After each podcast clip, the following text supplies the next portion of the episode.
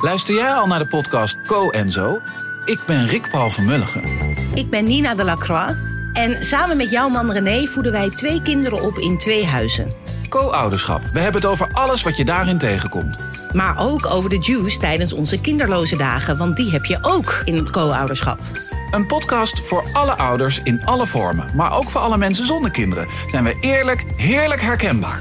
Dus luister naar Co en Zo in je favoriete podcast-app. Deze aflevering van Relaas kan er zijn dankzij onze vrienden van de show. Die vrienden die stoppen ons 2 euro of meer toe per maand, waardoor deze podcast gratis blijft voor iedereen. Een van die vrienden is Vincent Wever. Vincent, via vriendvandeshow.be kan je onze extra verhalen beluisteren. En wij sturen jou dit jaar ook een uitnodiging voor een exclusieve vertelavond alleen voor onze vrienden van de show. Waar we jou eens goed in de watten gaan leggen, dat is beloofd. Lieve luisteraars, als je dit verhaal gratis beluistert, weet dan dat iemand als Vincent het aan jou cadeau doet. En jij kan het ook vriend van de show worden via www.vriendvandeshow.be slash.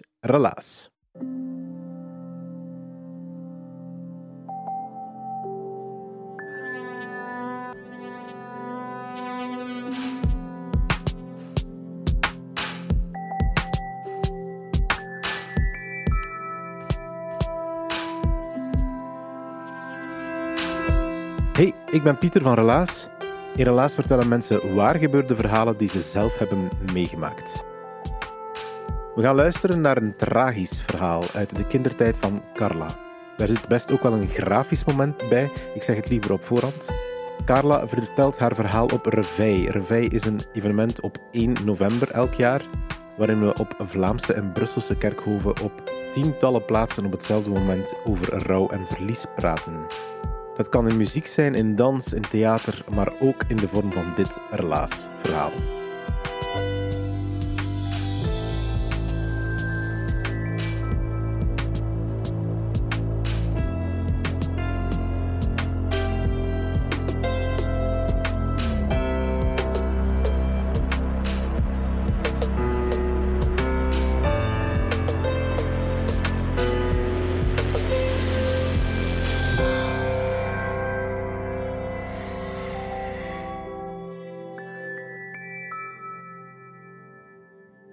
Waarom zet ik die foto daar? Dan is het een foto van mijn broer Chefke. En dat is mijn moeder, die wij noemden Mokke. 15 januari 1963, een traumatische dag die we nooit kunnen vergeten. Maar laat ik eerst iets vertellen over ons gezin. We waren met acht. Vader, moeder, vier meisjes en twee jongens. Eerst kwam ons Jeanne-Marie, dan kwam ik, Carla, dan kwam ons Handelies, dan kwam ons Marcella, vier meisjes. En eindelijk een jongetje, Jefke, het eerste jongetje. Mijn moeder was supergelukkig met haar jongetje. En dan kwam er nog een tweede jongetje, Ludo.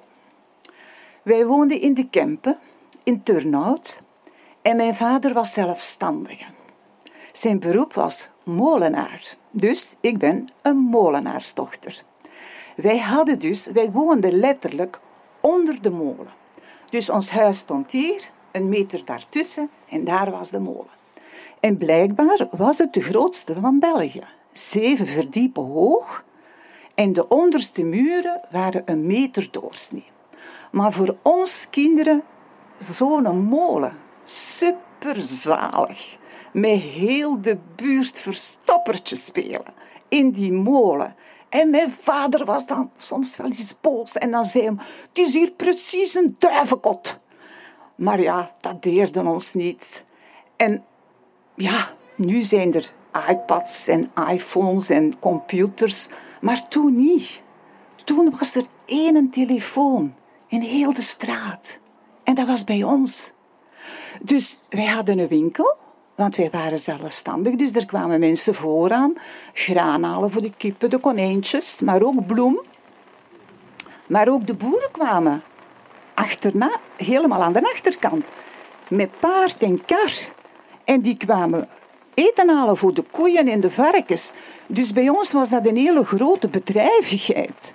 Maar mijn moeder kon dat allemaal baas. De, de mensen kwamen bij ons telefoneren, ze kwamen postzegels komen, ze kwamen taxzegels kopen voor op de facturen. Dat is iets dat ze nu niet meer kennen. Dus dat was echt een grote bedrijvigheid bij ons thuis, maar wel heel gezellig. Mijn moeder was ook zeer gelovig, katholiek gelovig. Dus bij ons werd er s'avonds thuis op de knieën gebeden. En als er per toeval een vertegenwoordiger binnenkwam, dan zei mijn moeder, kijk, als je wilt, mag je meebieden. Hij was vrij, maar uh, zij, was helemaal niet beschaamd over haar geloof in God. Maar dan de winter van 1963. De koudste winter in heel de eeuw geweest. Drie maanden aan een stuk heeft het gevroren. Zelfs de golven van de zee die vroren als ze op het land kwamen. Toen is ook de Elfstedentocht gereden in Nederland. En het was de zwaarste Elfstedentocht die er ooit is geweest. Dan, wij als kinderen, we dachten daar niet bij na. Wij maakten van appelsinenkisten maakten wij sledes. Wij legden daar kussens in. In de ene kist als in de andere kist als ludo. Koorden eraan en de vier meisjes, dat waren de trekpaarden. En kou aan ons hoofd, of ons oren, of ons voeten, of ons handen. Ja, we voelden dat gewoon niet. Wij hadden plezier. Maar dan komt die dag, 15 januari 1963. Een gewone dag, gelijk als alle andere dagen. Wij kwamen twaalf uur, wij kwamen terug naar, van school naar huis, want wij gingen thuis warm eten eten. En mijn zusje Hannelies, die negen jaar was op dat ogenblik, die liep zo een 500 meter voor ons. En daarachter kwam mijn oudste zus, Annemarie, toen 13 jaar. Dan kwam ik 12 jaar met een hele groep vriendinnen. En wij kwamen van school en wij waren zo'n beetje pubers al. Hè? En ineens zegt uh, onze vriendin Ria, kijk daar, daar, aan onze winkel is een ongeluk gebeurd. En wij keken en, en wij zagen daar een autobus staan en, en allemaal mensen rond. En, oh, en wij keken en wij zeiden, oh, het is te hopen dat niemand van onze familie is. Dus wij liepen daar naartoe. En al die mensen stonden daar rond. En als kind van 12 jaar kan je daar niet over kijken. En en ineens gebeurde er iets zeer raar. Het was gelijk in een film. Die mensen gingen zo open. En ik keek daardoor en ik zag die autobus. En ik zag aan die band van die autobus, zag ik mijn broertje Jefken op de grond liggen. En ik zeg, ah, het is een Jefke. Maar hij had precies niets. Hij had geen, jawel, uit zijn neusje kwam er zo een hele kleine bloedblaas.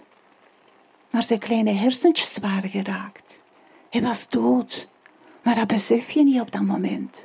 En ik zie mijn moeder komen aanlopen en, en die kijkt en die ziet haar zoontje van vijf jaar. En zij valt bewusteloos. En mijn vader kan ze nog juist opvangen en neemt haar mee naar huis. Maar dan, dan ik kan dat niet beschrijven. Mijn moeder zat daar in zo'n plooizeteltje. Weet je wel dat je mee naar het strand neemt voor in het zonnetje te zitten? Daar zat zij. Twee dagen, twee nachten. Gelijk een wassenbeeld. Zij had zo'n intens verdriet dat zij niet kon wenen. En zij zat daar en ze zei niks. Ze at niet. Ze bewoog niet. Ze sliep niet. Ze zei zelfs niet tegen ons kinderen het is tijd om naar bed te gaan. En dat was zo beangstigend. Je kan dat niet uitleggen. Moest dat nu in deze tijd zijn, dan, dan zouden er therapeuten komen en kinderpsychiaters voor ons op te vangen. Maar nu, wij gingen dag gewoon terug naar school. Voilà, dat was het. En mijn mama die zat daar. En toen kwam haar zus, tante Alice van Antwerpen. En ze zag die niet zoveel, want de mensen hadden nog geen auto's. Dus die moesten met een trein en met de bus komen. Dus dat was toen toch wel even een onderneming. En tante komt binnen en die zegt tegen ons moeke, die Maria noemde, maar ze zeide daar Mieke tegen.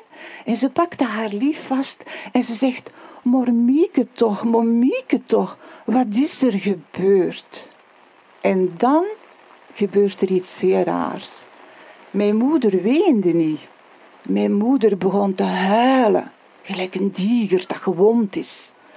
En dat was heel beangstigend voor dat te horen.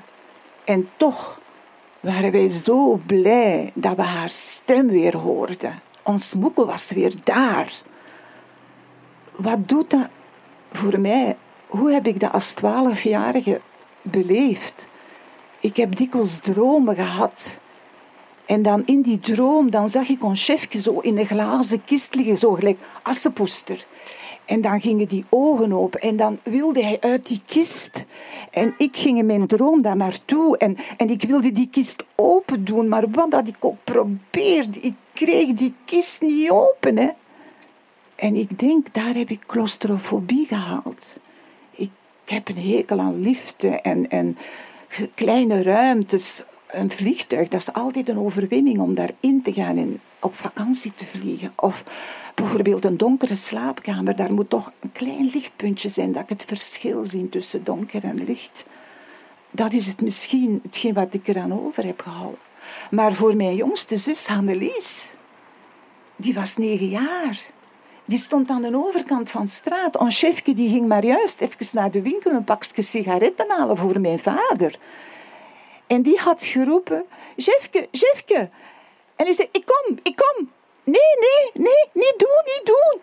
Want de mensen hadden hun sneeuw uit hun voortuintjes op straat geveegd. En dat was zo een bergje geworden. En dat was een beetje onttooid en dan terug vastgevroren. En dat was heel glad. En hij was daarover gegaan en viel op zijn knie.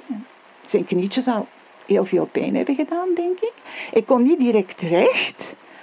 En in die tijd komt er dus een autobus met mijnwerkers uit de Limburg die naar huis reden. En die chauffeur heeft gedaan wat hij kon voor te remmen. Maar hij is blijven doorglijden. En mijn broertje is onder de wielen van de autobus gekomen. Hij was op slag dood.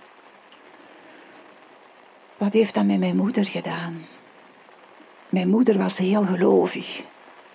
En op de doodsbrief schreven ze dan vroeger: Het heeft de Heer behaagd hem tot zich of, of haar tot hem te roepen. Mijn moeder stelde zich daar vragen over. En door het feit dat wij zo'n katholiek gezin waren, kwam de priester alle weken bij ons zijn trapjes drinken. En mijn moeder zei dan, maar waarom, waarom, waarom? Waarom moest God mijn kind hebben? En de pastoor zei, ja, ja, Maria, ja, dat is dat God dat kindje nodig had in de hemel, als, als, als, als engeltje. En mijn moeder werd razend kwaad. Wat? Wat? Was ik misschien geen goede moeder? Dat God dat van mij moest wegnemen? Dus dat was geen antwoord. En zo had ze nog vragen. Dat zieltje. Hel, hemel, vagevuur. Zij betaalde maandelijks geld voor de aflaatmissen. Ken je dat? Aflaatmissen? Dat waren missen die je liet doen om dat zieltje, dat misschien in de hel of misschien in het vagevuur was, los te kopen. Of wil zeggen sommige mensen, ja, het is uw lot. Het, is, bepaald door God dat je daar moet verongelukken of, of dat je daar kanker moet krijgen of weet ik wat. Dus maar mijn moeder kreeg geen antwoorden op die vragen. Vijftien jaar aan een stuk.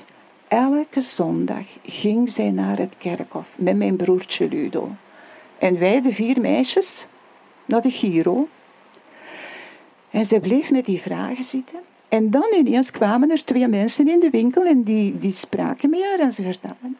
En zij kreeg dus antwoord dat dat niet de wil van God was. Dat tijd en omstandigheden, in het boek Spreuken staat dat, tijd en omstandigheden kan elke mens treffen. Het is niet zo dat God daar hangt en zegt, nu moet jij verongeluk, nu moet jij ziek worden, nu moet jij kanker krijgen. Dat is niet de wil van God. Absoluut niet. En dan dat zieltje, waar is dat zieltje? Als je dan kijkt in het boek Spreuken, daar staat, de mens is de ziel zelf. Zelfs dieren worden levende zielen genoemd. En toen kreeg mijn moeder antwoord op al haar vragen. Wat heeft dat met ons als gezin gedaan? Ik besef nu hoe broos dat het leven is. Je staat ook veel ernstiger in het leven. Maar ik weet ook dat het zo broos is en dat het morgen weg kan zijn. Daarom probeer ik vooral veel liefde te tonen aan mijn familie en mijn kinderen. En ik, toch hebben wij als gezin nog heel veel plezier gehad en nog heel veel gelachen en heel veel verteld over ons chefje. En ook heel dikwijls de tafel gedekt voor zes kinderen, maar niet voor vijf, voor zes. Dus hoe voel ik mij nu? Spijtig dat ik het heb meegemaakt, maar toch veel geleerd. En ik hoop echt dat ik ons smoeken en ons chefje in de toekomst levend mag terugzien.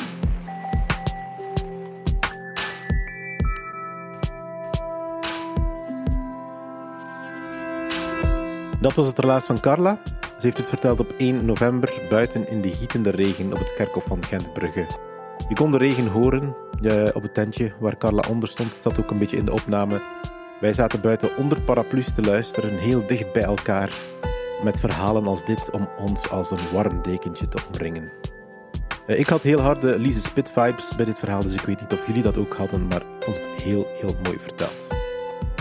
Relaas bestaat dankzij de steun van de afdeling cultuur van de stad Gent, dankzij onze sponsors, dankzij de meer dan 20 Relaas vrijwilligers en dankzij onze vrienden van de show. Als je deze podcast graag hebt beluisterd, toon ons dan jouw liefde via vriendvandeshow.be slash relaas. Dankjewel.